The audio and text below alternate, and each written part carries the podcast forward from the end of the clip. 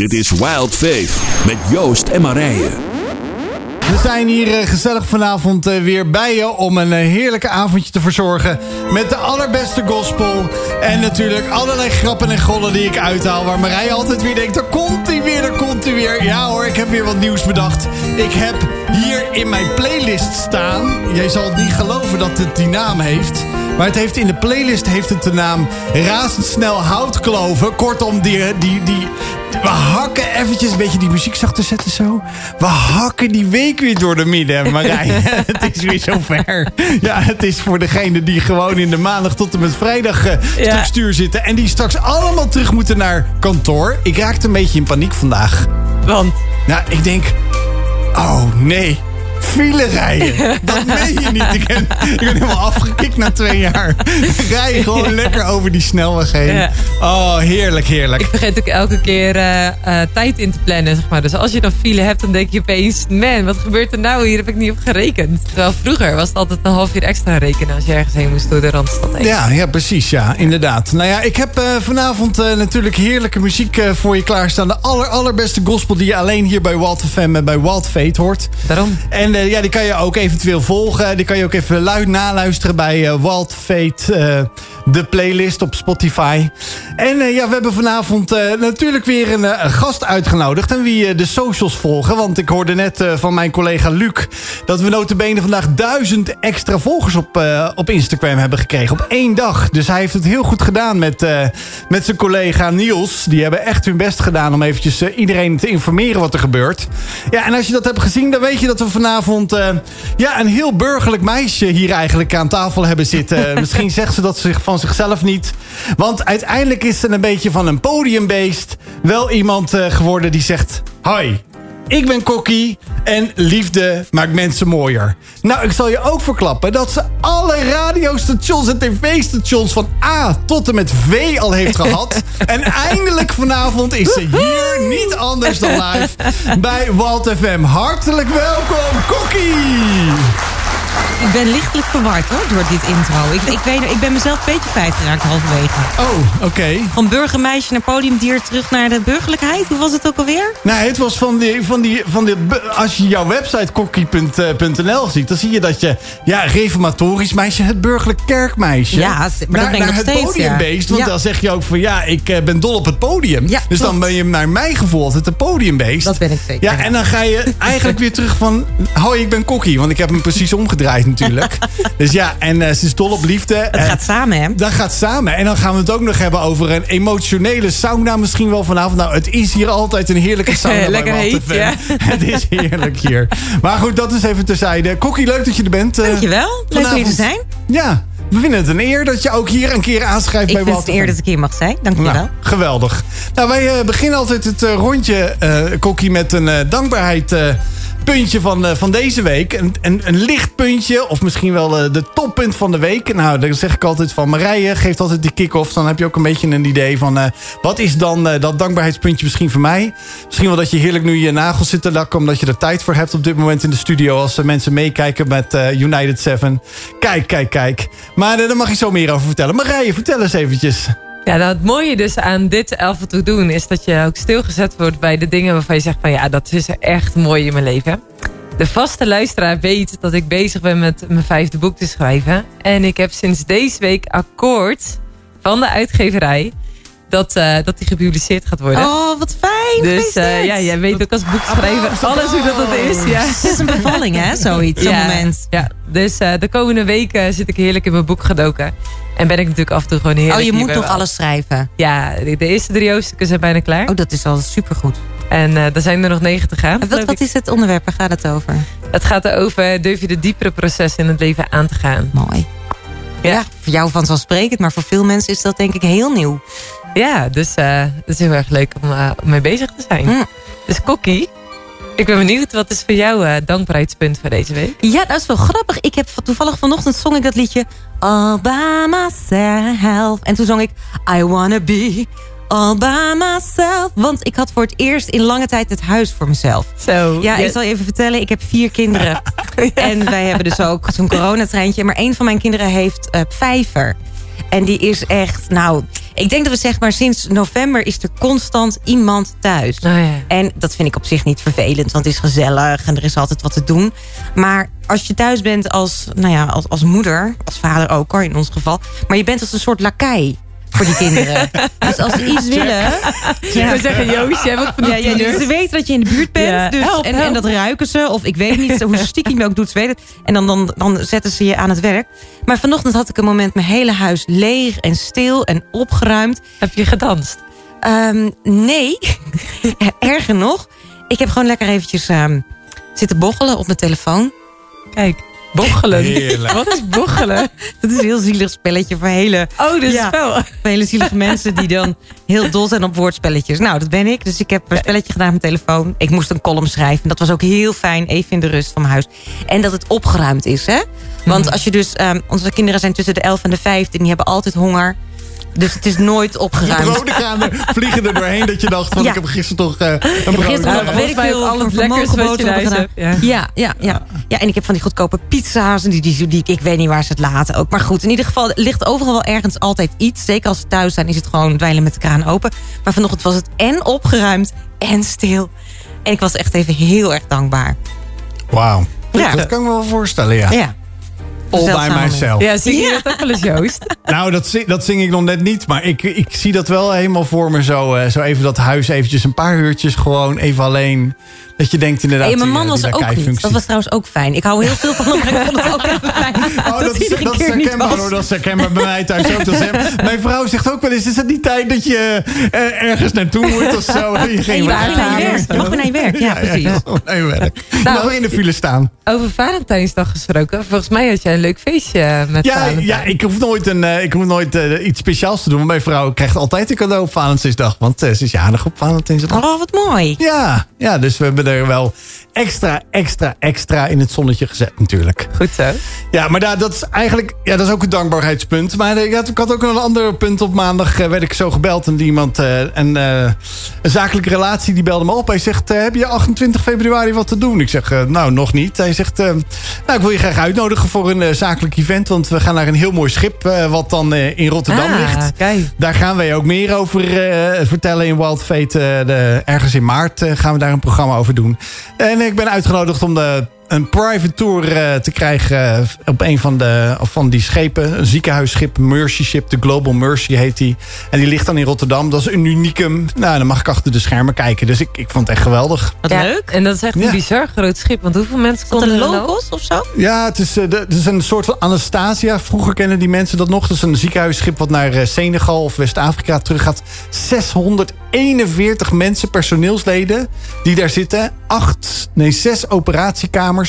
Zeven IC-bedden, 107 ziekenhuisbedden. Gewoon daar op zo'n schip. Dus, Ja, eh, echt ja, maar dat komt nog eh, daar meer informatie over. Ja, maar de- ik, is wil- ik vond het gewoon leuk dat ik gebeld werd. Ja. Want eh, hij had maar 10 kaartjes en ik behoor bij een Nee, van de. 10 gelukkigen. die, bent- mocht, En je bent eh, prominente dus nu, hè? Nou, blijkbaar, ja. ja eh, nou ja, goed. Maar eh, nogmaals, eh, daar gaan we niet te veel over praten. We gaan heerlijke gospel luisteren vanavond hier bij Wild FM en Wild Fate.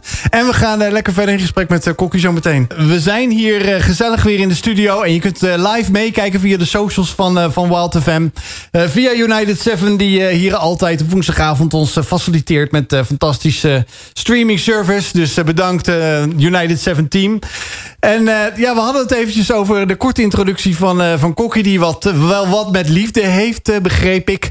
En dan ben ik heel benieuwd naar jou, Kokkie. Wat, wat heb jij eigenlijk gedaan met Valentijn? Gewerkt, uiteraard. Ja, zoals het hoort. Ja. Nee, ja, ik, Valentijnsdag heb ik, had ik leuke acties lopen rondom een aantal dingen. En ik merk toch dat ik daar heel erg druk mee ben geweest.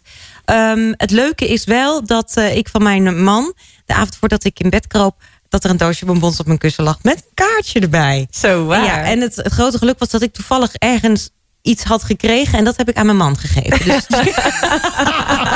ik weet niet of hij mee gaat Hopen dat hij niet meeluistert, Ja.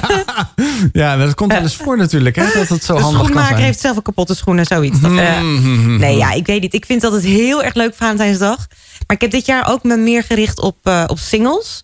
In het kader van hou van jezelf. Weet je, want ik vind het soms gewoon zo'n schrijnende dag voor mensen die heel erg naar een relatie. Ja, schrijnend klinkt ook weer zielig. Maar Valentijnsdag staat natuurlijk zo in het kader van de liefde uitspreken. Dat je van elkaar houdt. En ik ben al zo lang samen met mijn man dat het haast een vanzelfsprekendheid is. Dat ik dacht, weet je, ik ga eens even focussen op eh, juist een keer op singles. Mensen die misschien gewoon verlangen naar een relatie, maar allereerst gewoon ook eens even zeggen: je bent zelf gewoon leuk. Ja. En ga daar maar eens bij stilstaan. Dat is ook iets met liefde. Ja, mooi hè.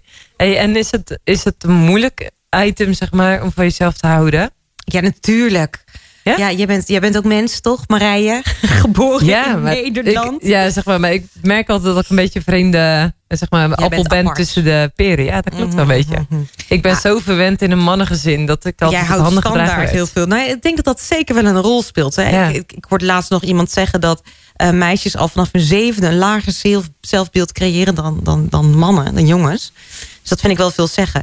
Nee, maar wat wij als mensen, als westerse mensen vooral heel veel doen... is dat we eh, altijd een soort van kritisch naar onszelf kijken. Van oké, ik geef mezelf misschien een zeven... maar dat kan wel een acht of misschien nog wel een negen worden... als ik daar en daaraan werk. Eh, ik weet niet of dat per se man of vrouw eigen is. Het is iets wat ik bij veel mensen terugzie.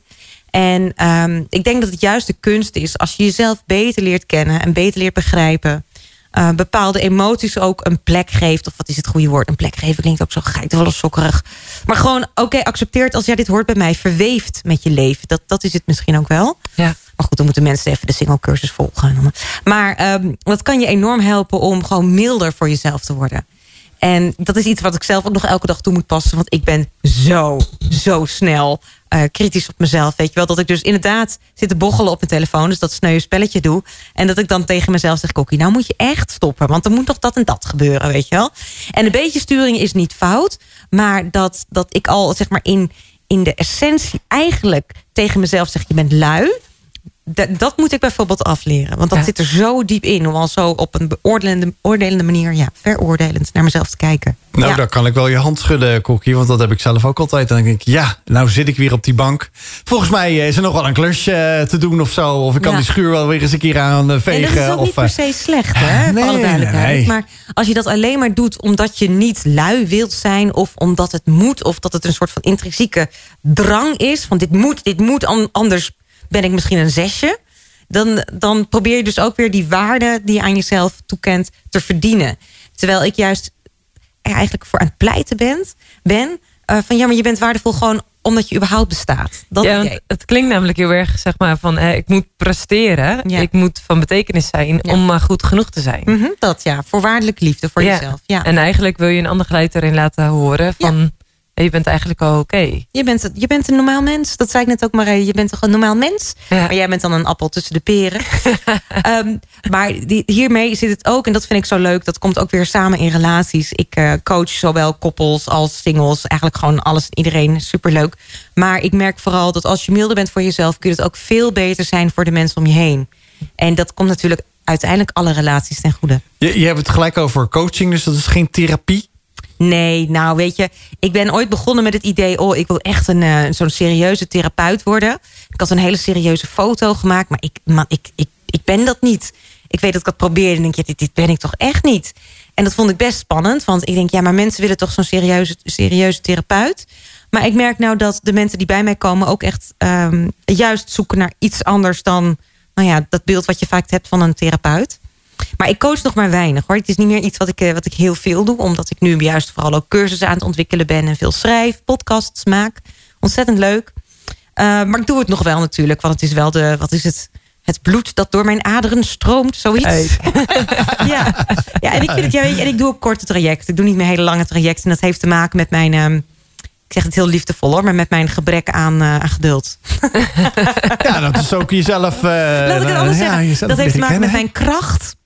Dat ik heel goed ben in heel snel al eh, een, een, een, ja, een kwestie duiden of signaleren. En dan echt juist daarop gaan zitten. Ik ga het positief duiden. Ik leer Ja. van mezelf vanavond. Goed zo. Dat is Niet te geloven. Oeh, kijk, dat is ook de bedoeling, toch? Eh, hier, Ja, maar de het, is ook, wel- reflectie. het is ook wel mooi, hè? Ik denk dat iedereen die luistert ook wel die reflectie even heeft. Van oké, hoe kijk ik dan naar mezelf? En ben ik dan mild? Of eh, onze hele maatschappij staat bol met voor wat hoort wat eh, Mhm. prestatiecultuur, zeg maar. Ja. En kan ik dan ook... Dat is ook het hele onderwijssysteem al. Ja. Hè? Ik hoorde toevallig net op de radio toen ik hier naartoe reed. Eh, een item over die huiswerkinstituten... die als paddenstoelen uit de grond worden gestampt. Ja. Ehm, nou, die kunnen voornamelijk worden betaald door kinderen van rijke ouders. Hè? Die, of die ouders bedoel ik. Ehm, en die kinderen die kunnen dus een bepaalde lat wel halen. En een hele hoop kinderen niet. En ik denk dat dat ook weer voor zoveel verschil gaat zorgen. Maar dat je dus zo in het onderwijssysteem al meekrijgt... je moet presteren. Hoger, beter, meer, succes zijn. Het zit er zo diep in. En ik vind, ik vind dat best wel iets wat veranderd mag worden. Ik, vind, eh, ik vind wel eh, dat er een statement vaak wordt gemaakt op, eh, op dat zakelijke platform LinkedIn. Dat er wordt gezegd van, ik ben altijd, er is tegen me gezegd VMBO-TL of VMBO-kader. dat is het maximale wat je kan halen. Of dit is het maximale wat, je, wat, er voor jou in zit. En dat mensen dan zeggen, nou, het is natuurlijk wel- die drang waar je over spreekt. Aan de andere kant is het wel zo dat mensen zeggen van... ja, ik, ik had zelf ook gewoon wel een andere gedachte. Want ik wilde graag eh, therapeut worden of zo. Of ik wilde tandarts worden. Ja, en uiteindelijk heb ik dat gewoon uit eigen kracht... En, en natuurlijk met hulp wel van buitenaf... maar wel gehaald wat ik dacht zelf te worden. Ik Ja. hoorde iemand een keer zo mooi zeggen... stop met ehm, worden wie je wilt zijn, want je bent het al. Zoiets was het, ik weet niet meer letterlijk. Maar ik vond het, het idee was in ieder geval... je bent al wie je moet zijn. En dat constant willen streven naar zo wil ik worden... Ja, dat maakt natuurlijk ontzettend onrustig. Hoewel ik dat ook heel erg bij mezelf herken. Ehm, en ook de onrust van... ja, maar ben ik wel echt eh, op de optimale plek waar, waar ik behoor? En ik weet dat veel mensen dat, dat onrustige gevoel ergens wel hebben... Eh, Dat hoor ik ook vaak van mensen. En dat, dat vraagt geduld. En dat is, ja, dat is dus niet mijn sterkste kant. Ehm, maar ik moet wel zeggen dat het dus echt helpt om naar mezelf te kijken van... Kokkie, geniet je van wat je nu doet? Doe je dat met je hele hart? Scherp je jezelf aan? En ja, ik moet natuurlijk ook stomme administratieve klusjes doen. En dat vind ik verschrikkelijk. Maar goed, dat hoort er ook weer bij, ja. Ja, dat is leuk aan ondernemerschap.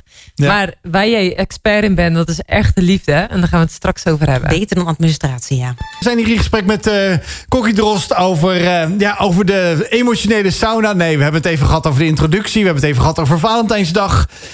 Maar ja, ergens ben ik nog steeds eh, nieuwsgierig, eh eh, Kokkie, van ja, wat is dan echte liefde? Want ja, daar ben jij een, een, expert in blijkbaar. Ja, Als je zoveel radiostations, televisiestations, podcasts, magazines wordt gevraagd. Wat is, dat, wat is dat dat mensen jou vragen over die echte liefde? Want wat is dat dan? Oh, wacht even. Je stelt nou. Ja, echte liefde, daar kan ik een hele hoop over vertellen. En ik denk dat ik er eh, veel over gevraagd word, omdat ik ook heel erg veel van de liefde hou. En dat zul je wel horen in de manier waarop ik erover praat. En ik praat snel. Dus ik weet niet of dat helpt. Maar ik kan een hoop vertellen. Dan kun je, kun tijd. meer in Kom maar eh, door, in, Kom ik, denk dat, ja. ik denk dat dat mijn, mijn kracht is, inderdaad. Dat is dan weer het voordeel van ongeduld.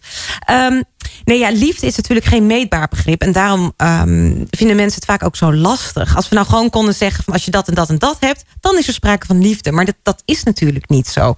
Ehm, bovendien is liefde vaak... wordt dan vaak gezegd... ja, maar het is een gevoel. Nee, zegt de ander. Het is een keuze. Ja. Oftewel, het is ook nog eens iets heel erg persoonlijks. Wat de een ervaart als liefde... is voor de ander misschien even een soort van...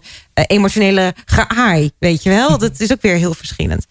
Ehm, wat voor mij belangrijk is als het gaat over wanneer er sprake is van liefde, ehm, dat is het woord verbinding. Dat je dus gewoon weet, ik ben belangrijk voor die ander en die ander is belangrijk voor mij. Ik denk dat dat een, een grote definitie is van, van liefde. En dat heb je natuurlijk in verschillende gradaties. Ehm, kijk, met, als je nou een leuke connectie hebt met een collega, hoeft er niet meteen sprake te zijn van liefde, maar wel van een bepaald soort verbinding. In liefde zit namelijk ook nog een stuk onvoorwaardelijkheid. Dus dat je ook weet dat als je de meest leuke versie van jezelf bent, dat die ander alsnog van je houdt, er voor je is. Dat is ook een, belangrijk aspect van wat liefde is. Ehm, liefde is zeker meer dan alleen maar een gevoel. Eh, tegelijkertijd heeft liefde ook alles te maken met gevoel. Soms kun je gewoon bij iemand zo'n ongelooflijk klik ervaren. Of nou ja, noem het chemie, dat kan ook. Ehm, het hoeft niet meteen ook seksualiteit te zijn, kan wel. Maar het kan dus ook, een chemie kan ook een rol spelen... gewoon bij het verliefd worden en bij het aspect liefde.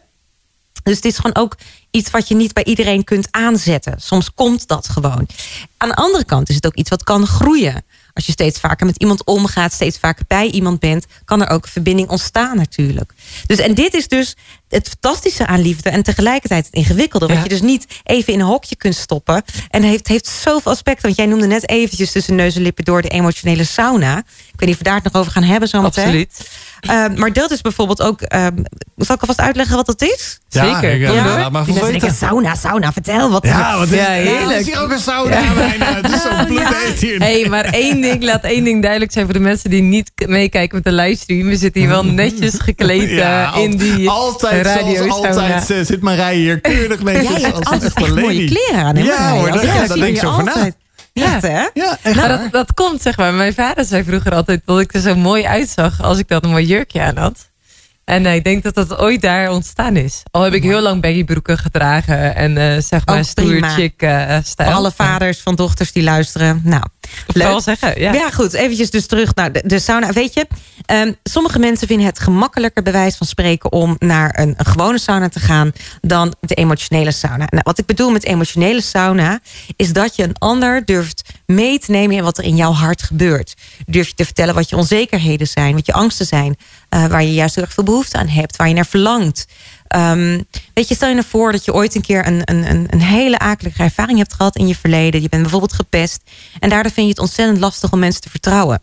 Nou, wat er dan kan gebeuren is dat je op een, op een onverhoeds ogenblik ineens heel nou, boos kunt worden op iemand. Nou, dan is de emotionele sauna eigenlijk het moment dat je tegen iemand durft te zeggen: Ik werd zo boos omdat er bij mij iets werd aangeraakt. Want daarmee laat je eigenlijk een stuk van jouw kwetsbare ziel zien aan die ander. Dat is eigenlijk ontzettend bloot.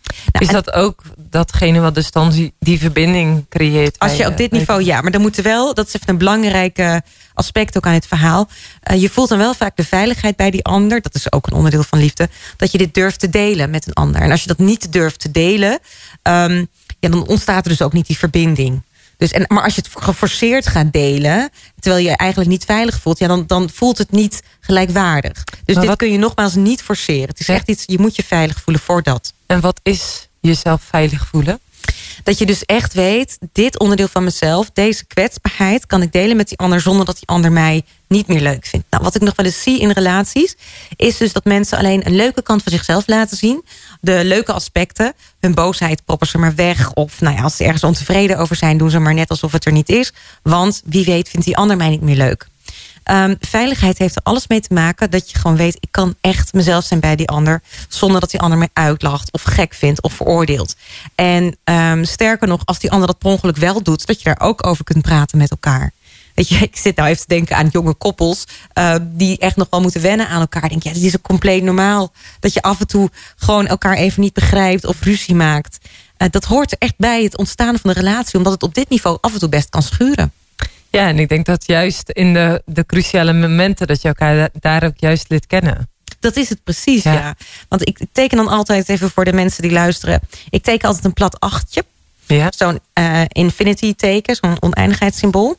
Ehm, en daar moet je eigenlijk een horizontale lijn doorheen trekken in het midden. En boven die lijn, daar zitten eigenlijk de emoties die je, die je ziet en hoort. Het gedrag, de woorden of die stilte. Hè. Sommige mensen kunnen kaart zwijgen, dat doen we ook nog wel eens. En onder de lijn zitten de emoties die ervoor zorgen dat je doet wat je doet. En die ervoor zorgen dat je je voelt zoals je je voelt. En je moet een beetje zien, hè. Jij doet of zegt wat en dat roept dus wat op bij die ander onder de lijn die reageert vervolgens vanuit dat gevoel. Dat roept weer wat op bij jou.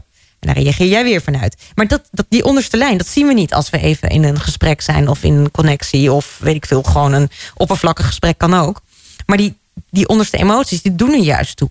Nou, wat ontzettend helpt in ehm, eigenlijk elke relatie, dus eigenlijk gewoon een interactie met wie dan ook, is dat je je bewust bent dat je maar een fractie ziet van de persoon tegenover je. Maar dat die persoon tegenover je ook maar een fractie van jou ziet. En dat je eigenlijk altijd een soort van, ja, zelf kunt bepalen, is misschien een groot woord, maar toch ergens hebben we als mensen wel een soort van terughoudendheid. We laten niet meteen alles aan die ander zien. Dat is helemaal niet gek natuurlijk, want je moet nog maar even merken of het veilig genoeg is, of je je kwetsbaarheid er kwijt kunt, of die verbinding er is. Ehm, dus dat is een heel belangrijk onderdeel van het aspect van hoe veilig voel je je bij een ander. Ehm, en dat heeft ook weer, ik kom weer terug op die zelfliefde, alles mee te maken met het kennen van jezelf. Want op dat gebied ontstaat inderdaad een echte verbinding. Ja, nou ja, al hebben we dus over liefde en seksualiteit, eh, is dat de laatste tijd echt volle bak in nieuws. Ja. Daar gaan we het straks over hebben. Ja, we zijn eh, hier in gesprek met uh, Kokkie Drost over, eh, over liefde, over seks. Want ja, als er iemand veel de laatste tijd in allerlei shows... en zelfs tot een NPO 1 gevraagd is, dan, dan is het wel Kokkie. Maar ja, eigenlijk even over... we zijn ja, ook ik wil nou zeggen, dat valt allemaal best wel mee hoor. Ja, het gaat, maar weet je, ja joh. Weet je wat ik juist zo heerlijk vind aan, aan, aan mijn werk en, en wat ik doe? Het gaat echt niet om mij. En dat vind ik zo lekker. Maar ik ben, ik ben wel helemaal mezelf. Ik mag wel echt mezelf zijn. Ik hou van inderdaad van het podium staan. Maar het gaat niet om mij. Nee, maar het is je, het is je deskundigheid alle, waar, waarvoor je wordt gevraagd. Dus het is niet zo, Jawel, wij willen Kokkie Drost op het podium zetten. Om, uh, maar ja, jij bent wel iemand die op deze manier ook graag ook daar openhartig nou vanuit je eigen mijn, mijn, uh, mijn verhaal doen. Echt, ja, precies. Ja. ja. Ik vind het ook echt heel erg leuk om erover te praten. Misschien is dat ook wel de reden dat ik, uh, dat ik gevraagd word. Ik vind het dus echt een superleuk onderwerp. En ik blijf er ook in leren. Um, maar het is wel iets waar je... Uh, ja, waar, eigenlijk raak je niet over uitgepraat. Ik ben ook benieuwd naar de luistercijfers straks. Oh, ja, nou, ik zag in ieder geval al dat, er, dat er... enthousiast. Ja. nou, ik zag al die, die kijkers mee. Die, die kijkersaantallen schieten hier omhoog. Die via de socials nu meekijken bij Walter Fam en op United 7. Leuk, leuk. Ja, en ik denk ook eventjes, ik moet even aandacht ervoor besteden. Want jij hebt ook iets beschikbaar gesteld voor, voor de luisteraar die, en de kijker die eventueel iets wil, wil winnen of wil krijgen. En dat is het kleine kleine voorspel. En als je op de, als ik me niet vergis, op de story uh, uh, naar de story gaat van de socials van Walt FM en de Walt Foundation, dan kun je daar eventjes uh, iets in toetsen. En dan kan jij kans maken op dat, op dat spelletje. Of is het een spelletje? Ik weet het Het is echt een superleuk voorspel. Vraagspel, kaartspel. Ja, het is een voorspel. Ja, leuk bedacht, hè? Een klein, kleine voorspel. Hartstikke leuk. Ja, ja, ik heb twee jaar geleden heb ik de sekscursus ontwikkeld. Toevallig echt net voor de lockdown um, had ik hem zo'n beetje klaar. Dat is allemaal mental dat wist ik veel dat dat zou komen. Um, en er was zoveel vragen naar dat ik dacht... ja, maar ik wil eigenlijk ook iets maken... waardoor mensen leren om met elkaar in gesprek te gaan. Maar dat vinden mensen nog vaak heel lastig, over seks praten. Um, nou, en toen heb ik dit spel ontwikkeld. Er zitten allemaal vragen in die je kunt bespreken met elkaar. En vooral op um, nou ja, toch een emotioneel gebied. Dus niet allemaal standjesvragen en weet ik veel. Dat kom je veel tegen. Maar juist veel meer over wanneer ervaar je dat we heel dicht bij elkaar zijn. Dat, dat meer dat niveau. Ja, we gaan er straks een aantal behandelen. Leuk. Maar ik ben eerst wel benieuwd. Uh, ja, al heb je het dus over het thema waar jij gespecialiseerd in bent daar is er best wat reuring uh, rondom. Met de voice en eigenlijk alles wat nu allemaal in het nieuws wachten, wat komt er vandaag weer ja, uit, hè? bizar. Ja. Wat, uh, ja, wat beweegt het bij jou? Nou, ik weet nog wel um, dat ik op een... Het was dus volgens mij een zaterdag dat er zo'n pushbericht kwam... dat RTL 4 met The Voice ging stoppen.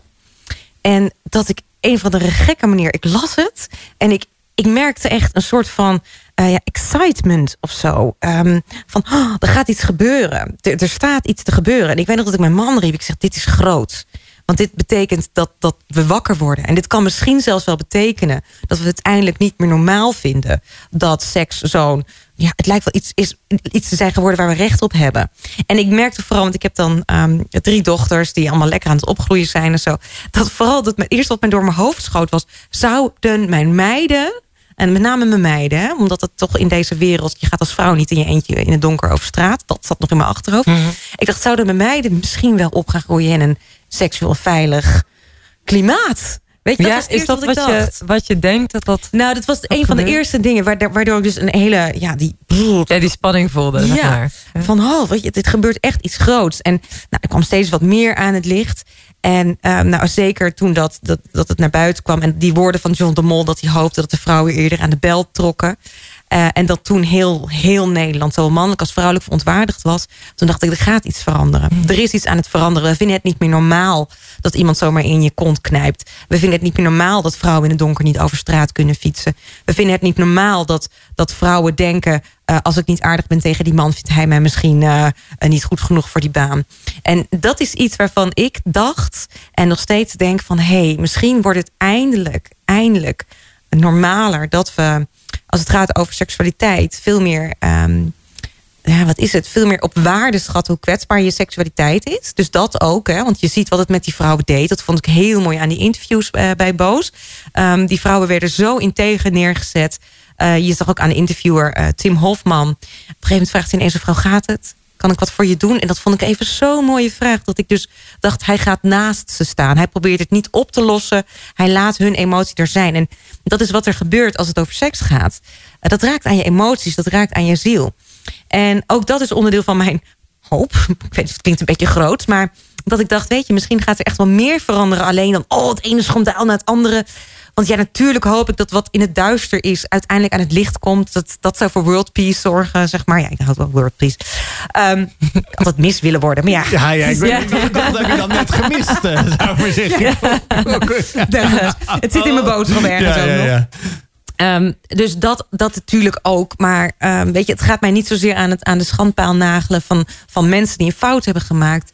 Maar veel meer aan het zien van de kwetsbaarheid van de seksualiteit. En dat dat nu veel normaler wordt. Dat dat veel meer gerespecteerd wordt. Dat is iets wat mij hoop geeft. Ja, ja dat, is, dat is ook wel mooi, hè? Van, hè, eh, ben je bewust dat kwets, seksualiteit zo kwetsbaar is? Ja. Is dat iets wat leeft in deze maatschappij? Nog te weinig. Ehm, het begint nu wel te leven. Eh, in die zin dat mensen dus, we zijn met elkaar verontwaardigd. Waar je in 2017, toen hadden we Me Too. Toen kreeg je nog veel reacties van, ook mag ik helemaal niks meer zeggen. En eh, nou, vrouwen vragen er toch ook zelf om. Weet je, dat was nog veel de reacties. Zowel van mannen als van vrouwen. Ik heb het ook zelf nog in stand gehouden, weet je wel. Dat, dan had ik een hele mooie vriendin en die klaagde dan dat de mannen zo zaten te kijken. En dan zei ik, ja, knip je haar dan ook af, weet je wel. Als je geen aandacht wil. Ja, dus oftewel, ik legde de verantwoordelijkheid alsnog bij haar. Ehm, en ehm, wat ik nu dus veel meer zie, is dat we met elkaar ver- verantwoordelijkheid voelen. Van als we dit willen veranderen, dan moeten we dat met elkaar gaan doen. Dus ik ben nog steeds, ja, blij is het niet het goede woord, maar ehm, elke keer als ik toch weer zo'n bericht zie, vandaag ook weer zo'n zo'n rec- recruiter van eh undercover agenten, volgens mij, die grensoverschrijdend gedrag had begaan. Ik denk, ja, weet je, dit moeten we wel op scherp blijven houden. En je hoort wel een soort van laksheid van, nou, wie komt de volgende week? Lalala. Weet je, het is nu zo en de, de, de normen zijn nu heel streng. Maar als het bijdraagt aan dat we dingen niet meer normaal gaan vinden... als het eraan bijdraagt dat we met elkaar dit systeem gaan veranderen... dan is het maar even nodig. Maar ik, ik, weet je, ik, ik ben ook wel zo empathisch dat ik best ook wel... Het klinkt een beetje stom, maar ik heb ook wat te doen met, met, met mensen... die ja, nu dus juist zo eh, publiek worden, eh Ja, aan de schandpaal eh worden genageld genageld. Ja, ik, dat, ik dat, weet je, ja... Zonder hoor en wederhoor, Laatst dacht zeg ik, maar. het, ja. ik dacht laatst wordt het voelt ook een beetje alsof ze geofferd worden voor, voor ja. Maar goed, je zou maar Overmars heten van je achternaam. Dat lijkt me echt, echt Ja, heel lastig op dit maar, moment. Ja, dat lijkt me ook heel erg Of de mol, ja, ook. Hey, want jij hebt ook een podcastserie opgenomen in 2020, Seks met Sokken. Ja, ja. Daar had je ook een heel ja, indrukwekkend eh, gesprek eigenlijk wel met de sekszusjes. Eh, Ja. Die zijn natuurlijk groot eh, ja, bekend ook. Mhm. En je ging ook met hun in gesprek ook over die kwetsbaarheid van seksualiteit. Ja. Waar ze eigenlijk tijdens het interview ook zelf achterkwamen. Hoe Ja. was dat voor hun om daar eigenlijk ja, door, door dat gesprek met jou ook bewust van te worden? Nou, ik weet natuurlijk niet hoe het voor hen was. Maar ik weet wel dat sowieso was het zo'n mooi gesprek. Want die vrouwen die, ehm, die maken YouTube-programma's over seks. En ze zijn heel open en eerlijk. En ik denk dat dat al sowieso, dat is de sleutel voor echt een heel goed gesprek. Ook over seks. Waar ze dus inderdaad ook ontdekten van ja, ehm, zij zijn opgegroeid zonder normen en waarden. Alles mocht. ehm, geen grenzen. Dat, dat waren eigenlijk was hun kader. En, maar daar hadden ze niet over nagedacht. Het was gewoon de cultuur waar ze in opgroeiden. Lang leven lol, potcondooms op het aanrecht. eh, veel plezier. Ehm, terwijl ik juist was opgegroeid met hele strenge normen. Seks is gek, voorzichtig, eh, zonde. Zorg dat je rein bent. Echt wat die kant meer. Ik- Ja, ik overdrijf het een beetje. Maar dat is wel wat er mij blijven hangen, zeg maar. En wij ontdekten tijdens ons gesprek dat we eh, eigenlijk de kaders die wij hadden als het ging om, om, om seks, die van mij heel streng en die van hen gewoon niet, die waren niet van onszelf. Dus er miste een groot stuk autonomie. En het is natuurlijk een heel groot woord. Ehm, kun je helemaal autonoom zijn? Eh, nee, dat, natuurlijk niet, want we worden altijd beïnvloed door wat dan ook. Maar als het gaat over je seksualiteit, is het denk ik, en dat, dat eh, ontdekten deze vrouwen ook en ik ook tijdens dat gesprek, is het zo belangrijk dat wat jouw kaders zijn, dat die van jou zijn. We gaan straks meer over, Oh, horen over, praten, eh, hoor, ja. over die autonomie. Want het is wel heel boeiend om, eh, om daar meer over te horen. Omdat het zo belangrijk is in eh, gezonde seksualiteit. Zeker. We zitten met Kokkie Dros hier in de radiostudio. En het wordt hier al lekker warm als je het hebt over eh, thema's waar we het over hebben. Namelijk echte liefde, seksualiteit en eigenlijk alle commotie die op dit moment ook in de media zichtbaar is over grensoverschrijdend gedrag. En we hadden het zojuist ook over het belang van autonomie. Ehm, wat, ja, waarin je juist ook je grenzen kunt voelen. je grenzen kunt aangeven. En hoe dat ook zo belangrijk is in relatie tot ja, seksualiteit en alles wat daarmee samenhangt. En we bleven hangen bij de cliffhanger van autonomie. Hoe werkt dat? Hoe bouw je dat op? Hoe deel je dat mee? Misschien ook als de luisteraar denkt... ja, ik zou eigenlijk veel meer mijn grenzen willen voelen en aan willen geven. Kokkie, help. nou, dat ga ik even oplossen, Marije. Ja, nou super. Geen probleem. dat is kracht van ongeduld, geloof ik. Daarom. Um, en nou, weet je, dit is natuurlijk de eerste stap is sowieso al je hier bewust van zijn. Ik denk dat je uh, moet beginnen met jezelf eens af te vragen... Wat, wat heb ik eigenlijk meegekregen over seks? Wat is mijn gevoel bij het woord seks alleen al? Dat zegt al heel veel over nou, bepaalde beelden of kaders die je hebt. Um, nou, bij mij kwam het dus altijd aan op... oh, uh, voorzichtig of een beetje gek of nou, praat er maar niet over. Dat ik dit werk ben gaan doen is echt wel een wonder, hoor. Ja. Maar, ja. maar goed. bij ons wat, uh, was het echt... ja, ik kom van de boerderij. Werd, oh, ja. bij, ons werd er met alleen maar mannen best wel open over gegrapt en over gepraat, zeg maar. Dus... Ik praat ook heel graag, graag over seks en ik uh, spreek er ook regelmatig over. Maar dat is zo makkelijk, omdat dat vanuit thuis eigenlijk al best wel een open dus gesprek. Dus dan hangt bij het woord seks bij jou gewoon... ja, dat is ook uh, dat, dat gewoon normaal. Ja, ja, net zoals eten en uh, met elkaar tijd doorbrengen. Ja, precies. Ja. Nou, dat was dus bij, in mijn geval anders. Uh, maar iedereen heeft natuurlijk weer zijn eigen verhaal. En ik denk dat daar mag je maar eens even beginnen. Um, gewoon om jezelf wat beter te leren begrijpen. Dat, dat, verder is het helemaal niet zo van... oh, nou, als je dat hebt, dan... nee. Maar het helpt je om jezelf te begrijpen. En ook eens even te kijken van... hey, um, heb ik als ik over mijn seksualiteit denk... Um, bepaalde normen en waarden. Ik kijk altijd vooral naar wat is, wat is je seksuele waarde. Ge, gevormd.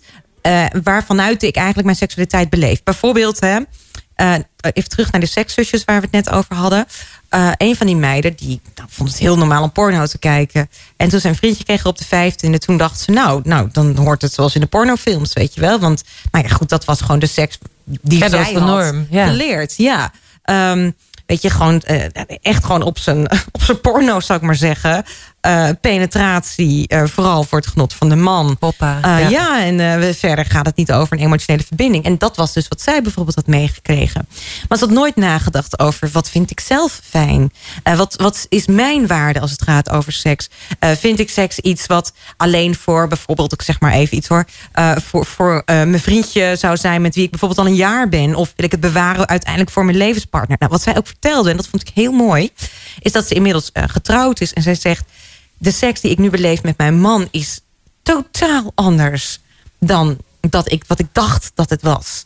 Uh, wat ook alweer laat zien dat um, als je je gevoelens mee laat tellen bij seks... dat het van een hele andere orde is. Nou, en dat kan ook voor heel veel mensen een, een waarde zijn. Voor mij is, uh, als het gaat over mijn waarde uh, rondom seksualiteit... heeft het alles te maken met... Um, nou, ik ben zelf hartstikke, nou ja, hartstikke gelovig. Hoe zou ik mezelf nou toch duiden? Ik, uh, ik hou heel veel van God, laat ik het zo maar zeggen. Maar God is voor mij niet iemand die mij precies met een soort van wetboek uh, vertelt hoe ik moet leven. Maar wel degene die het goede met mij voor heeft. Kun je me nog volgen? Ja, absoluut. Ja? Um, en dus als het gaat over seksualiteit... Um, leef ik ook niet vanuit wat mag wel, wat mag niet. Nee, totaal niet. Maar wat is het goede voor mij, maar ook voor mijn geliefden. Mm -hmm. um, en daarvanuit koppel ik dan, of heb ik bepaalde waarden... waar ik dan normen aan koppel. Nou, dat kan voor iedereen wel anders zijn. maar daar ben ik zelf over na gaan denken daarvoor moest ik wel eerst eens even goed op mijn snuffert gaan, zou ik maar zeggen. Van, hé, hey, wacht. Seks was voor mijn zoon ingewikkeld, moeilijk. Ik kreeg, moet je kijken hoe ik ga kijken ook. Ja, als mensen meekijken, ja, een beetje zo, uh, moeilijk gedoe. De vreugde was me een beetje uh, vergaan, zeg maar. Dus ik heb echt eigenlijk een soort van reset moeten toepassen. Ja, nou, we zijn heel erg benieuwd naar die reset. Maar we moeten er even uit voor de, voor de radio. voor, de, voor het nieuws. Voor de plichtplegingen, en, zeggen. En het mooie is dat je... Hè, we gaan straks in gesprek over wat je daarin allemaal ontdekt hebt in die zoektocht. Ja. Uh, maar er zijn in ieder geval drie dingen daarin belangrijk. Hè, uh, voor het, uh, nou, wat de emotionele sauna ook allemaal inhoudt. Dat zijn de liefde, verbinding en de aandacht. En daar gaan we straks zeker meer over horen. Leuk dat je uh, nog steeds lekker luistert of meekijkt. Want uh, ja, we hebben flink wat kijkers die ook het gezellig vinden om uh, mee te kijken in de studio. hoe wij hier in gesprek zijn met, met Kokkie Drost. En ja, zij vertelt ons ja, wat nodige over liefde. Nou, dat is natuurlijk een hot topic op dit moment. En ja, we gaan straks met haar verder praten over de emotionele sauna. Maar los van dat um, ja, kun je ook een, een tof kaartspel of vragenspel van haar krijgen. En dan moet je eventjes naar, ons, eh, naar onze live story, eh, naar onze stories gaan eh, op Wild FM en Wild Foundation. En dan maak je daar kans op dat unieke spel. En ze zijn net eventjes tijdens de, tijdens de voorbespreking van... nou, ik heb er eigenlijk nog maar bijna... of ik heb er bijna geen meer. Dus het is hoog tijd dat ik ze laat bijmaken. Dus het is nu de kans voor jou om nou, kans daarop te maken. En ga dan even naar onze socials. Dat was Jump. Nou, we duiken met elkaar ook weer het volgende thema in. En eh, het is zo tof om eh Kokkie te horen over eh, echte liefde en alles wat daarmee samenhangt. En wat bij mij blij, is blijven hangen van het eerste uur is het belang van authenticiteit om goede grenzen, gezonde grenzen te kunnen stellen. En ook voor jezelf eens na te gaan van oké, wat is seksualiteit dan voor mij? En wat vind ik dan belangrijk? En wat heb ik altijd meegekregen en wat vind ik daar dan van? Mhm. Het is eigenlijk wel heel erg boeiend wat je daarin zo schetst. Ja, en ook het contact met je lichaam. Wat ik veel zie is dat we door, nou, noem het de pornificatie van, eh, van de samenleving. Ehm, seks is iets geworden wat bijna altijd denk je erbij aan of penetratie of het bereiken van een hoogtepunt. Ja. Eh, en er lijkt ook heel veel alleen daar naartoe te worden gewerkt. In pornofilms zie je dat natuurlijk met name. Daar gaat het om, de behoeftebevrediging. Dat is ook de reden waarom veel mensen porno kijken. Ehm, terwijl het juist ook heel belangrijk is, of ook, terwijl het juist belangrijk is, eh, seks gaat over zoveel meer. Het gaat over echt je bemind voelen, de ander beminnen. Ehm, iemand je lijf laten strelen en hoe dat voelt. Dus ook het contact, zeg maar, tussen jou en die ander echt op, op, op ja, noem het huidsniveau. Weet je nog aan het begin van de coronacrisis? Die ja, huidhonger. Ja, ja, daar moest ik Ja. echt meteen aan denken. Ja, ja. Nou, ja, dat heeft natuurlijk ook alles met, met dit thema te Ja, maken. met echt seksualiteit. verbinden, Ja. zeker. En dat we daar zo'n behoefte aan hebben. En dat is echt iets compleet anders dan alleen maar die... Ja, ik noem het maar even gewoon de platte eh, behoeftebevrediging... die eigenlijk weinig met seks te maken heeft. Ja, ja dat, dat is gewoon... eh, ja, ik snap wat je daarin bedoelt. Hey, en je, je schetste net van... Hey, ik, ik, ik zie mezelf als echt ja, gelovig. eh, in die zin dat je zegt van... Hey, ik geloof dat God het beste met me voor heeft. Mhm. Heeft God daarin en je geloof in God... ook invloed op jouw normen en waarden rondom seksualiteit? Ja, wel op een andere manier dan, eh, dan je misschien zou denken. Ja, want mensen denken vaak... als je gelooft, dan mag je heel Dat veel dingen je niet. niks. ja. Wat, eh, wat de Bijbel en seks, christenen en seks. Nou, dat is, Dat is echt hele een no-go. Ja. Ja, ja, ja. Vertel eens, wat is daar in jouw eh, beleving? Ja, nou, ik herken dat hoor. Want ik, ik weet nog wat vroeger leek het wel vooral, weet je wat ik net ook schetste, dat, dat seks iets was waar ik, oh, zondig en schaamtevol en je moet rein zijn. Ehm, terwijl ik, hoe, eh, hoe meer ik over leer, hoe meer ik ontdek dat we juist echt compleet vrij zijn. Eventjes voor, ehm, de mensen die helemaal niet eh, weten wat, nou zo'n christelijk geloof inhoudt.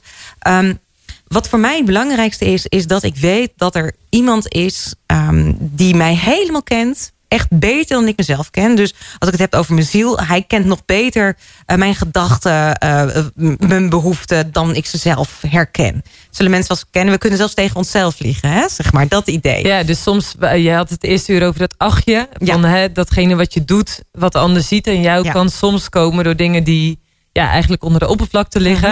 Mhm. Waarbij je soms wellicht niet eens door hebt wat er dus aan de onderkant Ja. zit. Ja. En jij schetst eigenlijk heel erg mooi van... ik weet dat er een God is die zelfs ja, de stukjes van mezelf kent... die ik helemaal zelf ook nog niet ken. Precies. En de leuke stukjes, de lieve stukjes, eh, maar ook de stomme stukjes. En desondanks zegt die kokje, ik, ik, ik vind je leuk. Ja. Ik, eh, ik hou van je. Nou, en dat geeft bij mij een soort van nieuwe vrijheid. Ik heb dat echt wel moeten, weet ik veel, zelf eigen moeten maken. Eh, maar het geeft een nieuwe vrijheid in dat wat ik ontdek... ehm, dat dat niet te maken heeft met... nou, je moet zo en zo en zo leven en dan verdien je de hemel. Maar eh kokkie, je bent vrij... Uh, maar er zijn sommige dingen heel goed voor je en sommige dingen niet. Ja. Nou, en dan zijn we natuurlijk als mensen geneigd om dat zelf uit te vogelen. Hè? We willen zelf ontdekken wat wel en niet goed is. Net als je kinderen, je misschien herkennen mensen die kinderen hebben. Joost wel. gaat gelijk zitten glimmen. Ja, Oh ja. oh ja. Ja, ik weet het beter, joh. Eh, ja, dat Ja, zeg je dan wel, maar ik ga Ja. toch een keer keihard zuipen. En dan heb ik maar een keer spijt. En heel Ja, erg hoofdpijn. nou, bijvoorbeeld zoiets. Ehm, dat merk ik inderdaad ook wel. Weet je. wel. Het is ook niet dat, dat je alles per se uit hoeft te proberen. Sommige dingen zijn gewoon nou eenmaal niet, niet goed voor je. Ehm, eh, nou, dat hoor ik dan bijvoorbeeld in verhalen om me heen in de praktijk. Ik noem maar een stom voorbeeld. Stel je voor, ik word zwaar verliefd op een ander. Ik ben al heel lang getrouwd met mijn man. Ehm, en denk, ja, En heel Dan, eh, lang, dat klinkt als... eh, ja, dat Heel is echt, lang. Ik ben, ik ben Heel 40 en we kennen elkaar eh, in september al 25 jaar. Zo, dan kunnen we de hand schudden, kokkie, zo ongeveer. Ja. Oh, jij, ja, nee, dat- ik vind dat heel lang. Maar goed, we hebben, daarvan zijn we bijna 19 jaar getrouwd. Maar ik, dat is toch lang? Ja, Gewoon even... Ja, en heel veel mensen denken als ik dan nou verliefd al word... helemaal oud als ik zeg al meer dan twintig jaar getrouwd. Ja, dat is ja, maar dat is echt mooi. Hè? Maar ik, ik merk wel omheen inderdaad, als mensen zeggen, ja, maar ik werd verliefd. Dat dat soort van de Ja, vrijbode geeft van... je, ja. Ja, het Maar, overkomt maar, je, maar dus we je zaten eigenlijk in je verhaal. Ja, dat zegt Ja. Marije. Want Ja. je wordt verliefd, dus dat overkomt je. En dan kun je zeggen, nou, ik ben vrij. Dus ik ga daar lekker op in, want ik ben vrij. Maar, eh, nou denk ik, wacht eventjes. Maar is dit het goede voor mij? Om daarin mee te gaan. Is dit het goede voor mijn, voor mijn man? Van wie ik ontzettend veel hou, die ik niet wil kwetsen. Is het het goede voor mijn kinderen? Is het het goede voor die ander? Ik zeg, het is maar gewoon even een, een voorbeeld. Kijk, als je, als je mega verliefd bent, dan wil het wel eens heel lastig zijn om je dit te realiseren. Ik heb zoveel cliënten gehad in mijn praktijk eh, bij wie dit is gebeurd. Dus het is echt niet iets waarvan je kunt zeggen, nou, maar als je dicht bij God leeft en je bent echt heel gelukkig, dan overkomt het je het niet. Het kan gebeuren dat er een vogel op je hoofd gaat zitten. Ja. Om even zo te zeggen. Alleen, je kunt wel voorkomen dat hij er een nestje bouwt. Nou, dat is bijvoorbeeld echt een voorbeeld eh, waarbij ik zeg, oké, dit is vanuit wat, wat ik geloof dat het goede is voor mij. eh, dat ik trouw wil zijn aan mijn man, aan mijn kinderen, maar ook aan mezelf. Dat ik in de spiegel wil kunnen kijken. En daarom kies ik ervoor om dit niet ik zeg het maar even heel klinisch, te consumeren. Ja. Als je begrijpt wat ik bedoel. Nou, dit klinkt allemaal wel heel van, nou, ik heb een schema, daar hou ik me altijd aan. Nee, natuurlijk niet. Ik val ook wel eens. En, ehm, eh, en, en, en soms doe ik het in één keer heel impulsief en helemaal niet via zo'n schema. Ehm, maar er zijn wel echt dingen waarvan ik denk, ja weet je, dit is gewoon niet goed voor mij. En dat ligt niet aan van, oh dat staat namelijk precies daar en daar in de Bijbel dat het niet goed voor me is. Uh, maar juist vooral het, het verhaal, wat, en dan kom ik weer eventjes in wat mijn geloof juist echt maakt, zal ik maar zeggen. Het verhaal dat Jezus naar ons keek. Toen hij op aarde kwam, toen was het echt een verschuiving van, van de gevestigde orde. Um, omdat hij verder keek dan de buitenkant, Ja. weet je wel. En uh, hij juist de manier dat hij mensen allemaal benadert, gelijkwaardig, vol liefde. Um, ja, dus echt met die mildheid. Er staat in de Bijbel dan altijd mededogen, barmhartigheid. Ja, hij werd dus hard geraakt als hij de Ja, mensen dat zag. vind ik zo fantastisch. Ik denk, ja, weet je, ik mag zo dus ook naar mijn eigen hart kijken. Wat erin zit, wat er gebeurt. En dat betekent niet dat alles wat er zit, dat ik dat maar lekker moet volgen. Dat is niet wat autonomie is, dat denken veel mensen. Maar het is veel meer dat je um, echt nadenkt van, oké, okay, dit voel ik. En een emotie mag er zijn, zeg ik dan altijd. Maar je bent zelf verantwoordelijk voor wat je ermee doet. En um, daarin kijk ik echt naar van wat is het goede? En nou, de Bijbel staat vol met voorbeelden die echt overduidelijk niet het goede waren. Het Oude Testament bijvoorbeeld, ja, dat is anders dan bijvoorbeeld de Koran. Is de Bijbel natuurlijk. Um, de Bijbel is een, een, een vooruit, uh, hoe zeg je dat? Er gebeurt wat in de tijd. Een boek met voor, voor hoe heet het? Dat Profetieën. Nee, dat het dat het, dat het uit dit inzicht wordt steeds sterker. Ach, het heet zo mooi. Voortschrijdend inzicht. Ja, dat kijk, toch. Wat was het? Wat was het? Ja, ja, ja. ja, maar voortschrijdend inzicht, maar ook in de chronologie van de tijd uh, wordt dingen steeds meer duidelijk. En je ziet het in het Oude Testament, die warboel met, met vrouwen die verkracht werden, mannen met verschillende vrouwen, weet je wel. En in het Nieuw Testament verandert dat echt. Ook door Jezus, die gewoon ziet van, ja, weet je, het is helemaal niet goed om te scheiden. Nee. En uh, dat soort dingen, dat is niet als een... als je het wel doet, ben je zondig en je gaat naar de hel. Nee, totaal niet. Het is gewoon het beste voor je. Precies dat. En um, weet je, ik, ik had gisteren zo'n moment... het was gewoon heel normaal in ons gezin. En ik keek naar onze kinderen... en volgens mij hadden ze ruzie over het een of ander. Het zal ook eens niet. Um, maar ik dacht wel even, wat ben ik blij dat ik jullie moeder mag zijn. Dat ik gewoon in, in noem het maar eventjes... je had het aan het begin over mijn burgerlijk bestaan, Joost. Ik was even burgerlijk gelukkig. Dat, dat, dat is een heel mooi punt. Um, als ik ineens inzicht heb, ga ik zo mooi met mijn vingertje wijzen. Ik hoorde laatst dat, dat verhaal van um, de fariseer en de tollenaar. Die staan te bidden. Nou, fariseer was een hele keurige kerkgaande man. En de tollenaar was een dief, een zondaar. En die fariseer die bidt, nou dank u dat ik niet zo ben als die tollenaar. La la la. En die tollenaar die zegt, oh heer, wees me genadig. Weet je wel? Nou, dat zou je kunnen interpreteren als, nou we moeten ook gewoon heel erg, um, net als de tollenaar bidden van wees me genadig. Maar je zou ook kunnen denken, ja wacht eens even. Die tollenaar, die is niet bewaard gebleven voor allemaal domme keuzes. Laat ik het maar even zo zeggen. En die fariseer, gelukkig wel. Dat is even, even ik pleit even voor de fariseer, ja, dit verhaal. Ja. En zo zie ik het ook een beetje. Um, ik krijg de mogelijkheid om goede keuzes te maken. Om na te denken over bepaalde keuzes. En ik ben niet immuun voor domme keuzes of emoties of wat dan ook. Maar ik wil wel eens God danken dat ik bepaalde fouten niet heb hoeven maken. Voordat ik inzag dat het niet goed was. Laat ik het maar zo zeggen. Ja. En um, eh, dat, dat heeft ook alles te maken met het eerlijk zijn tegenover mezelf. En soms schuurt het. En weet je, ik hoor mezelf dit zeggen en denk, oh help, dan zul je net zien dat ik morgen een grote fout bega of zo. Dus het is ook iets waar ik alert op ben en niet het idee heb van, nou, het overkomt me niet. Ehm, Nee, maar, Maar je blijft iets- eigenlijk heel je leven leren. nou, ja, maar je hoeft, is en het dat, en dat houdt ook in dat je dus ook niet over ijs hoeft te eh, bang hoeft te zijn om Nee. over ijs te lopen. Want ja, iedereen begaat de fout. Nou, stel, je, stel je voor dat je nu luistert en je denkt... hè, Kokkie die heeft het over Jezus en allemaal verhalen over Jezus. De Bijbel bestaat uit 66 boeken. En al wil je het levensverhaal van Jezus lezen... dan adviseren we je om bij het, bo- het Bijbelboek Johannes te beginnen. Want daar kun je echt heel erg veel le- lezen over zijn leven... over de lessen die hij leert. Het is echt super inspirerend. En wij gaan straks verder aan de hand van eh, wat, eh, wat praatjes van... eh, van het kleine voorspel. Ik ben echt heel erg benieuwd, Kokkie, wat, eh, wat jouw antwoorden gaan zijn op je eigen gestelde Wie had vragen. gedacht dat wij vanavond nog een klein voorspel Ja. gingen doen? Ja, oeh. Heerlijk. Dat gaan we dan zo Ik kijk ernaar uit. Nou, als je nou denkt van wat een lekkere gospel eh draait daar bij Wild FM. Nou, dat is ook zo, want dat is het enige eh, nou ja, gospelstation bijna van, eh, van de hele Randstad, zou ik zeggen. Dat is Wild FM. Zeker op de woensdagavond van eh 8 tot 10. Vanavond zitten we hier met uh, Kokkie Drost aan tafel. En eh, nou ja, we hebben het over eh, prachtige onderwerpen over de liefde. En eh, nou, daar hoort ook een, eh, een vraag bij die natuurlijk fanatiek is ingediend eh, en eh, door jullie is beantwoord. En dat is... Kom maar, kom maar, kom maar met je mening. Nou, wat is die mening, eh Marije? Ja, de poll van vanavond was... hoe veiliger je jezelf voelt bij de ander, hoe beter de seks. En eh, ja, er werd voltallig met ja op gereageerd. Want 100% zegt ja, hoe veiliger je jezelf voelt, hoe beter de seks. Kokkie, hoe is dat voor jou? Ja, dat, is, eh, dat kan ik alleen maar onderschrijven naar aanleiding van onderzoek dat er is geweest. Ik hoor nog wel eens trouwens mensen die zeggen... ja, maar one night stands, dat is eigenlijk de spannendste seks... want dan is het voor het eerst en zo. Dat is natuurlijk van een hele andere orde. Even een lesje eh, als het gaat over dit, dit aspect van seks. Je hebt zeg maar emotioneel gezien drie soorten seks. Ja. Isoleerseks, dat is echt puur gericht op de bevrediging. Dus bijvoorbeeld one night stand, masturbatie, vlucht. Nou, vluchtje kan nog wel... Maar in ieder geval kan ook met je partner, maar het is niet met verbinding. Eh, dan heb je de troostseks. Dat is vanuit een ongelijkwaardige verbinding. Dus je hebt of wat goed te maken, of je wil gezien worden of ge- gewaardeerd worden. Eh, en je hebt de synchrone seks. En dat is dus echt de seks op eh, niveau van liefde, verbinding en trouw. Ehm, nou zou je denken, die derde synchrone seks is altijd het beste. Dat is niet zo. Dat kan wel eens een teleurstellend sessie zijn. Zeker als je al langer in een relatie zit. Dan, ja, dan, dan wordt dat seksuele vuur, dat tempert een beetje. Heel normaal. Eh, je ziet zelfs vaak dat die isoleerseks... die dus met willekeurig wie dan ook kan zijn... veel stomender is.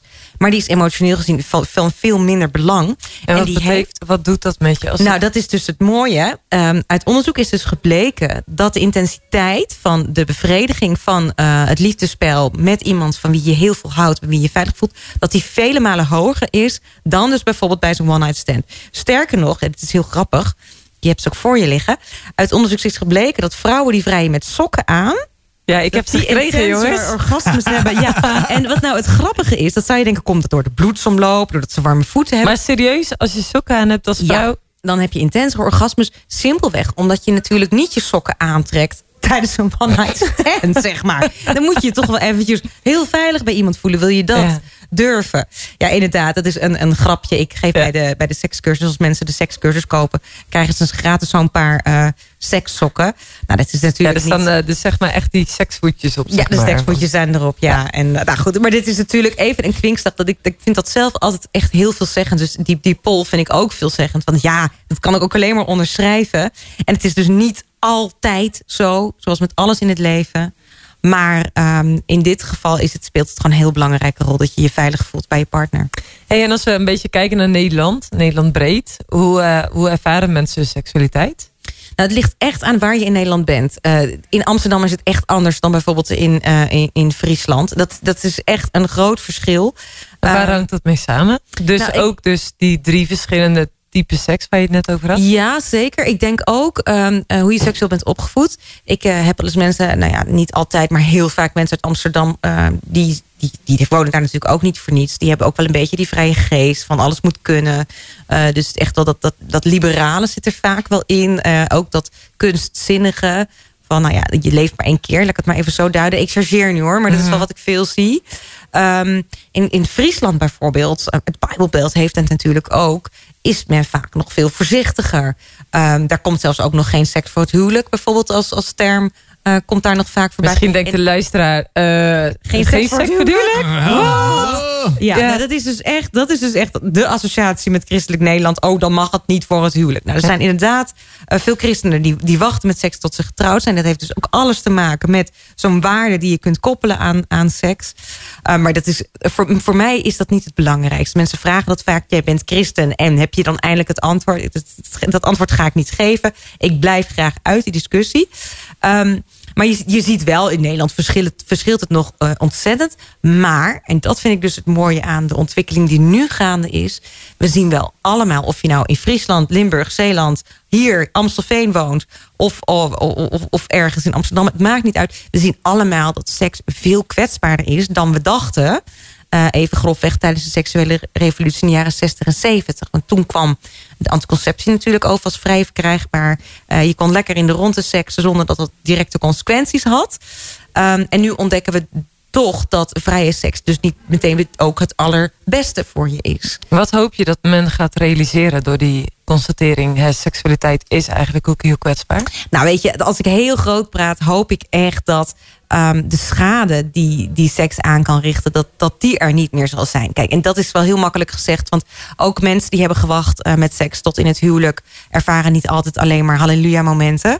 Um, dus weet je, zolang we mensen zijn blijft seks denk ik iets waar we, wat we uit moeten zoeken. Maar als dat maar zo mag zijn, als mensen herkennen van wacht even, seks is gewoon hartstikke kwetsbaar. Het is ook net als je persoonlijkheid in ontwikkeling. Het is net als je persoonlijkheid uniek, gevoelig. En het is zelfs net als dat, dat, figuurtje, die platte acht. Uh, we zien niet altijd wat er onderaan zijn grondslag ligt. Weet je wel, seks heeft ook te maken met je afgewezen voelen. Of je juist begeerd voelen. Um, je bemind voelen. En ik vind het mooie aan, aan seks in die synchrone emotionele relatie... is dat je dus ook gewoon... Ja, je kunt een teleurstellend zesje scoren. En je zegt, nou schat, wat was dit nou toch weer voor aardig? ja, en dat je dan gewoon denkt, nou ja, we hebben nog een leven lang om ons hierin te ontwikkelen, toch? Ja, nou weet je, dat die veiligheid met elkaar, ja. dat dat er mag zijn. Maar dat vraagt dus wel ook om, uh, om de gesprekken. Ja. ja. Hey, uh, ik ben heel erg benieuwd naar uh, jouw antwoord op de eerste vraag... die ik geselecteerd heb uit het kleine voorspel. Nou, kom maar door. Ja, we gaan eerst even luisteren naar muziek. Nou, goedenavond. Ik weet niet hoe het jou vergaat. Maar als ik dit nummer hoor, word ik gewoon echt spontaan echt heel erg vrolijk. Light Shines Bright. Nou, uh, ik zou zeggen, zoek hem op op Spotify. Zet hem op je lijst. Of uh, luister gewoon onze playlist. Uh, Wild Fate, de playlist. En dan, dan vind je zeker nog meer van dit soort toffe nummers. Nou, Kokkie. Ik heb een, een aantal vragen van het kleine voorspel. En uh, ik ben wel benieuwd, wat weet je nog van jullie eerste seizoen? Want ja, je zei, uh, wij, wij, kennen elkaar al 25 jaar en ik ben ja. nu 40. Dus uh, weet je dat nog? Ja, dat weet ik nog. En dat komt ook wel doordat onze dochters er heel vaak naar vragen. Die willen dat allemaal weten. Nou, wij waren, dat is wel grappig, wij leerden elkaar kennen in de vijfde van de middelbare school. Um, ik was 16 en hij 17. Hij kwam van de HAVO bij ons op het VWO. En niks te nadelen van VWO-jongens, maar die zijn dan wat minder aantrekkelijk. Vooral omdat je die al zo lang kent natuurlijk. Ja, ik denk het. Die waren nog een stuk kleiner. In ieder geval, dat was Nico. Kleiner um, zelfs. Ja, dat is vond ik.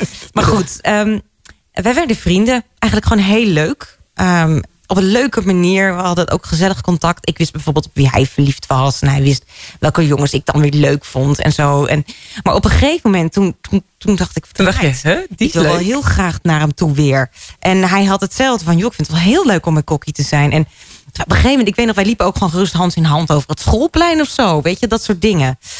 En uh, op een dag, het was 5 mei, weet ik nog. Toen uh, oh, besloten we, ja, ja, toen besloten we gaan lekker even samen, samen toeren. Toen zijn we door het bos gaan wandelen. En daar hebben we elkaar voor het eerst gezoend. En toen was het eigenlijk vrij snel duidelijk. Want Nico, die is ook niet van half werk. Die zei ook gewoon, ik hou van jou. Oh, tjak, ja. En jij dacht, wegwezen? Nee, dat dacht ik zo. Magic word. Oh, wat, ik zo, wat ik zo mooi vond, vind aan hem... is dat hij um, vanaf dat moment al van mij hield zoals ik helemaal ben. En dat doet hij tot op de dag van vandaag. Ik heb hem bij hem nooit, nooit anders voor hoeven doen dan ik ben. En dat voelde ik toen al. En dat is, ik vond het heel mooi dat onze relatie is ontstaan vanuit een um, vriendschap. En dat, dat is ook het leuke. Het is, ja, het is, soms is die saai hoor. En soms ben ik verschrikkelijk. En het is ook maar een normaal huwelijk. Maar over het algemeen vind ik het nog altijd heel leuk om bij hem te zijn. En dat, dat vind ik een hele belangrijke graadmeter. Want als ik merk dat ik het niet meer zo leuk vind om bij, te zijn, bij hem te zijn... dan merk ik, we moeten even wat leuks doen samen. Ja, even samen een weekendje weg of zo. Ja, dan ja, voor zover dat te regelen is. Maar Dan met vier kinderen. Nou, alle is Ze zijn al groot. Nou, maar nou moet wat je gewoon die, even uit eten. En even precies, wandelend ja. eh, langs eh, de, de mooie rivier. eh, Dit, ja, en eventjes Rijn, richting, ja. ja. langs de Rijn naar, eh, naar het restaurantje lopen. En dan eh geappt worden 80 keer van de, de oven staat. hoe, hoeveel graden moet die oven? En, eh, eh, iemand mijn met zus- ervaring, Mijn ja. zuslief die begint in mijn te mijn haren te hangen. Precies dit. Maar dat moeten we dan wel even doen. En alleen de, de, de thermometer, zo noem ik het dan maar, is bij mij dus echt, vind ik hem nog leuk. Ja. En eh, als ik dat niet meer vind, dan moet ik echt eventjes weer in investeren.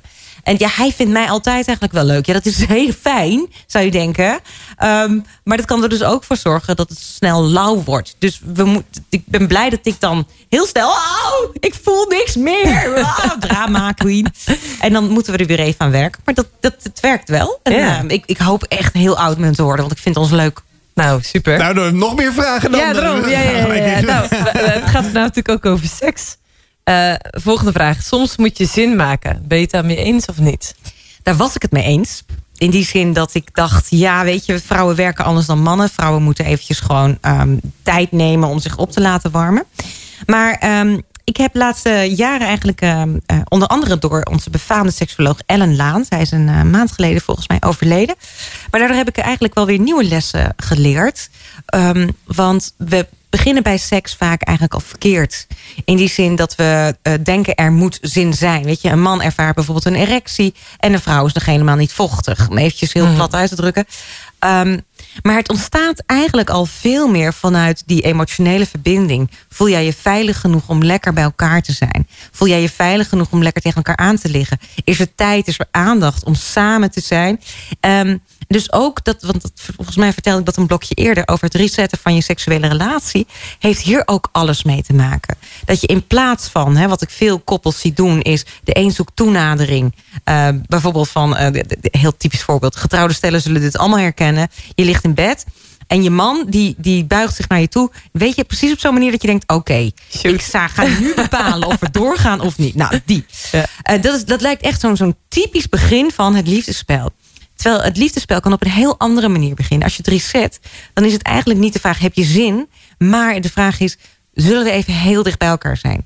Ehm, dat kan te zijn door te strelen, door te zoenen... eh, bloot tegen elkaar aan te liggen. En dan gewoon maar te voelen van, wat voel ik nou... als ik zo dicht tegen jou aan lig? Voelt het fijn? Voelt het veilig? En ook met het idee, het hoeft er niet van te komen. En dat Nee. is dus iets heel anders dan, dan zin maken. En dat is eigenlijk het resetten van je seksuele relatie. Ja. En daar natuurlijk bij de vraag van moet het altijd tot een hoogtepunt komen? Bijvoorbeeld, of tot penetratie, Ja, weet je wel. zeg maar. ja, ja, zeker. En is het soms ook gewoon prettig om gewoon bij elkaar te zijn Ja. en dat gewoon heel erg prettig te En veel vrouwen hebben het idee ehm, dat als, als een man wel opgewonden is, maar niet een hoogtepunt bereikt, dat het dan geen echte seks was. Of dat een man dat nodig heeft. Nou, daar heb ik een andere hele wijze vrouw over gesproken. Beatrice Smulders. Zij is verloskundige in Amsterdam.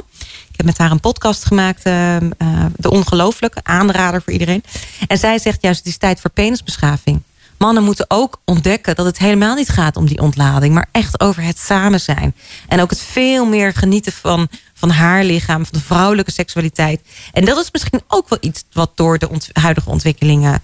eh, veel, meer naar, eh, veel meer belang krijgt. Maar dat is ook wel hetgene wat je met die emotionele sauna eigenlijk onder de aandacht wil brengen. Mhm. Met die drie pijlers van verbinding, aandacht en liefde. Is dat zo? Jazeker, ja, dat zit hier juist ook heel duidelijk in. Ehm, en dat heeft dus ook alles te maken met het je moet zin maken. Kijk, je kunt heel leuk gaan, gaan vrijen met elkaar zonder dat er een ver- verbinding is. Ik hoor dat nog wel eens, ja, mannen die lossen dingen op met seks. Maar we zijn helemaal niet zo verschillend, mannen en vrouwen. We hebben allemaal een heel normaal ehm, seksueel en emotioneel systeem. En het is een feit, mannen hebben meer ehm testosteronhormoon door hun lijf stromen. Ja, dus meer zin in seks. Ja, dat zou je denken. Dat wordt dus vaak zo gezegd. En een Laan zegt, ja, maar procentueel hebben vrouwen net zoveel als het gaat over de, eh, de seksdrive. Dus dan zou het kunnen dat mannen worden gewoon heel veel geprikkeld door wat ze zien. Die, dat verschil hebben we wel. En vrouwen veel meer door Door de, beleving. Ja. Ja. Ja. en de maatschappij is toch wel heel erg gericht op wat we zien. En een, een, een prikkel ontstaat ook ja, die, die komt niet ineens als honger. Je krijgt honger, je lijf geeft een signaal. Uh, maar zin in seks komt vanuit een externe prikkel die we amper opmerken. Ja. Dus dat is, ja, weet je, het is, ja, ik kan hier nog een uur over praten, Marije. Maar dit is echt een, uh, sorry hoor. Nou, Joost, die, uh, die luistert wel. Die, die denkt, uh, ik neem wat tips mee naar huis. Ja, doen. En maar het nou, mooie... nee, maar dat, dat, ik, ik, ik, ik beaam helemaal dat ja, je moet niet denken inderdaad dat op het moment dat je gewoon even inderdaad in de rust uh, inderdaad die, die draai maakt en dat je denkt, ik wil gewoon even knuffelen. Mm -hmm. Hoeft niet gelijk uh, seks van te komen. Dat is gewoon. Maar het is wel heel goed om dit uit te spreken, want dit ja. gebeurt in veel relaties wel. Ja. Waardoor het ook nog eens gebeurt dat een vrouw zich dus als soort van afwendt. En, dus, en de dus man zich afgewezen voelt. Ja, precies. Ja, die. En dat ontstaat dan ook weer gedoe, weet je wel. Dus het is ook heel belangrijk om dit soort patronen um, eens een keer uit te diepen. Van, hé, gebeurt het bij ons? En ik kan je wel verzekeren dat is niet per se makkelijk. Want nee, ik, vind, ik vind wel een hele mooie dat je ook zegt voor mensen die al langer in een relatie zitten, dat een reset, dat is echt, ik vind dat een gave bewoording zoals je dat dan zegt. Uh, of gebruikt eigenlijk, dat je zegt van nou, en nu uh, uh, niet, niet opeens alles moet opnieuw, maar dat is heel goed om daar ook goed over te praten. En van dat is ook goed zo. Ja, en dat dat niet inderdaad al, dat het allemaal maar plat gezegd tot die seks moet komen, want dat hoort er toch mm -hmm, bij of zo. -hmm. dat, zo moet het maar. Nou, het zal je verbazen hoeveel mensen dat onbewust toch nog hebben. Dat ze denken van ja, maar nu verwacht je dit van mij. Weet je, dus ook zo'n vraag, want ja, soms moet je ja. zin maken. Ik denk dat heel veel vrouwen zeggen ja, inderdaad. Want ja, mijn man uh, die wordt anders zagrijnig. Terwijl dan, dat vraagt eigenlijk van we moeten eens even heel goed uh, gaan kijken welke patronen er in onze seksuele relatie zitten. En of we dat oké vinden. En dan kom ik inderdaad bij die drie pijlers van de emotionele sauna. Uh, dat, dat gesprek vanuit liefde, verbinding en aandacht voor elkaar, dat is zo belangrijk. Weet je, ik denk als je je man bijvoorbeeld, hè, het voorbeeld van die vrouw en die man aan het bed. En als die vrouw gewoon al die aandacht geeft van hé, hey, ik zie je behoeften en ik wil ook heel graag bij je zijn. Zullen we zoeken naar een manier dat het manier dat het voor ons allebei heel fijn is.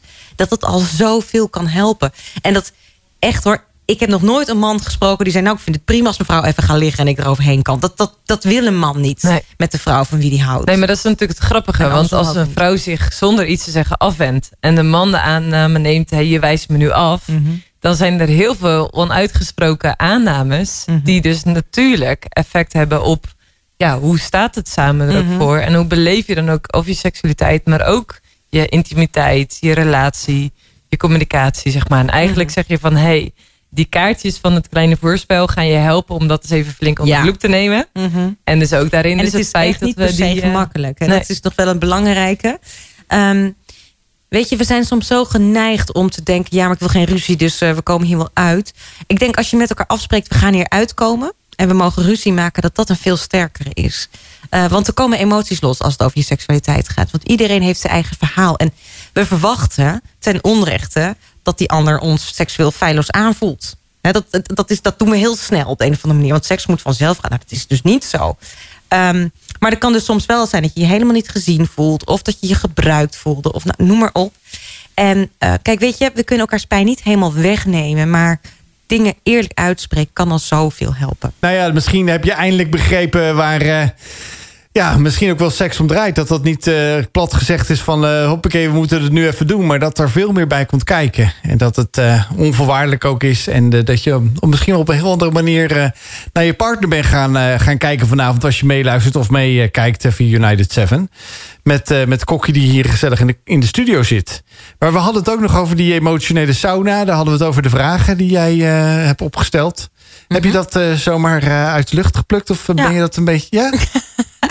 nou, ik heb, het, ik heb soms zo'n hyperfocus. Ik weet niet of jullie dat kennen. Ken ik zeker. Ik heb soms dagen dat ik gewoon echt bijna niks doe. En dan doe ik al dat werk van al die dagen in een uur. Nou, dat, is, dat was echt met dit, dit kaartspel. Dat ging zo snel, tjak, tjak, tjak. Um, wel naar aanleiding van de, de sekscursus. En ik had natuurlijk ook van bepaalde mensen kreeg ik vragen, cliënten. En uh, die heb ik eigenlijk gebundeld in dit spel. Om mensen gewoon te helpen van ga hier maar gewoon rustig over praten. Als een soort van ja, ik, ik noem dat een beetje een journalistieke setting. Weet je? Dus dat je niet het probleem van de ander hoeft op te lossen. Maar luister gewoon maar eens even naar het verhaal van de ander. Ja, heel mooi. Hè? En uh, zeg, zeg je als luisteraar van... Hey, ik wil, uh, ik wil zo'n kaartje setje winnen. Dan kan dat. Ga dan vooral dus ook naar de, naar de socials. Uh, via de story kun je je naam invullen om, ja, om dit spel te winnen. Dat heet het kleine voorspel. En anders ga je gewoon naar de website van Kokkie Drost. Want daar zijn ze ook goedkoop. Ja hoor, via de sekscursus.nl kun je hem ook uh, bestellen. Ja, superleuk. Overigens kun je via de, mijn site, kokkiedrost.nl. Heel leuk. Kokkie met COCK. Nou, je snapt dat iedereen zich daar helemaal om scheurt. Ja, er was nog een Twitter-uiting over. Ja, joh, ja, ja, ja, name shaming. Ach ja, vooruit dan maar. Ik maak hem meestal zelf de grap, maar dat kon in dit geval niet. Uh, maar kokkiedrost met COCKY.nl. Um, daar kun je gratis de, een, um, ja, een soort van vragenpapiertje. Wat is het? Handout downloaden. Um, en dat zijn vragen voor in de emotionele sauna. Dus dat zijn geen vragen over seks, maar veel meer vragen op het gebied van liefde, verbinding en aandacht. Zoals wanneer voelde je je echt heel dicht bij me? Wat was het moment dat ik er echt voor je was? Of wanneer had je me nodig? Um, dat is ook echt zo fijn om gewoon even een momentje te pakken om die vragen met elkaar te bespreken. Ja, echt heel, heel mooi. Hè? Want daarmee uh, zeg je ook van daarin kun je ook die kwetsbaarheid bevorderen. Mm Wat dus ook gewoon een heel positieve impuls zal geven in je seksuele leven. Dat bevordert de verbinding en dat is alleen maar supergoed voor je seksleven. Ja. Hey, en we, hadden het net al heel even over hè, hoe, hoe kwetsbaar seks is. Mm -hmm. En ik denk dat iedereen ook wel herkent van uh, wat als er dus dingen in je leven zijn gebeurd. Mm -hmm. uh, en dat herkennen vast veel mensen. Ik herken dat ook in mijn eigen leven. Die gewoon impact hebben op je eigen uh, seksualiteit. Ja. de duurzame relatie die je hebt. Hoe je omgaat met seksualiteit. Ja. Hoe je dat beleeft. Ja, hoe deel je met dat soort dingen? Ja. Nou, ik denk dat we uh, om te beginnen hebben onderschat um, hoe beschadigend het kan zijn als je op seksueel gebied iets hebt meegemaakt wat je niet veilig vond. Uh, ik sprak een keer bijvoorbeeld een vrouw um, uh, bij wie een man zomaar ongevraagd aan haar borst had gezeten. Het was helemaal niet lang. Het was helemaal niet iets groots. Ze werd niet verkracht. Maar het had zoveel impact op haar.